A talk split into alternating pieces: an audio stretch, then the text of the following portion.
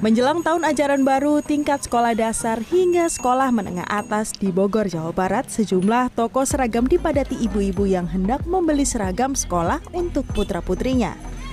Mereka bahkan rela antri dan berdesakan demi mendapatkan seragam baru sang anak.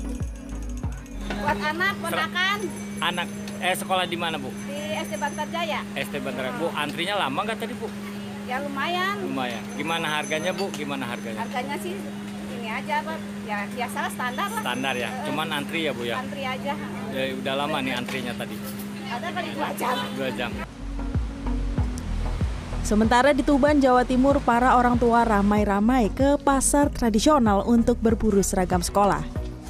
Di Pasar Baru Jalan Gajah Mada, Kabupaten Tuban, Rabu pagi, kios-kios pedagang seragam sekolah ramai pembeli yang datang silih berganti.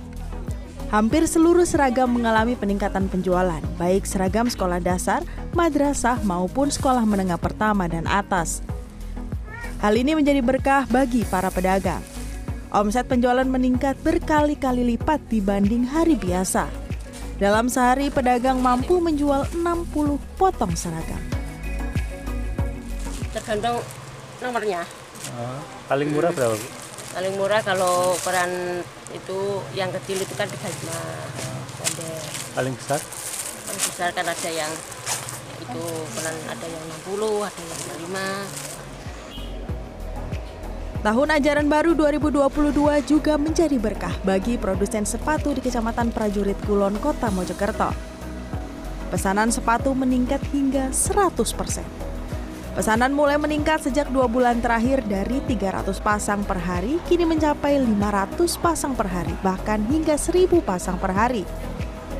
Rata-rata pemesan mencari jenis sepatu kets dan berwarna hitam yang biasanya dipakai oleh anak sekolah. Pesanan datang dari berbagai daerah mulai dari Surabaya, Sidoarjo, Semarang, Tangerang hingga Jakarta. Meningkatnya pesanan pun membuat produsen sepatu mampu meraup keuntungan hingga 2,5 juta rupiah per hari. Tim Liputan CNN Indonesia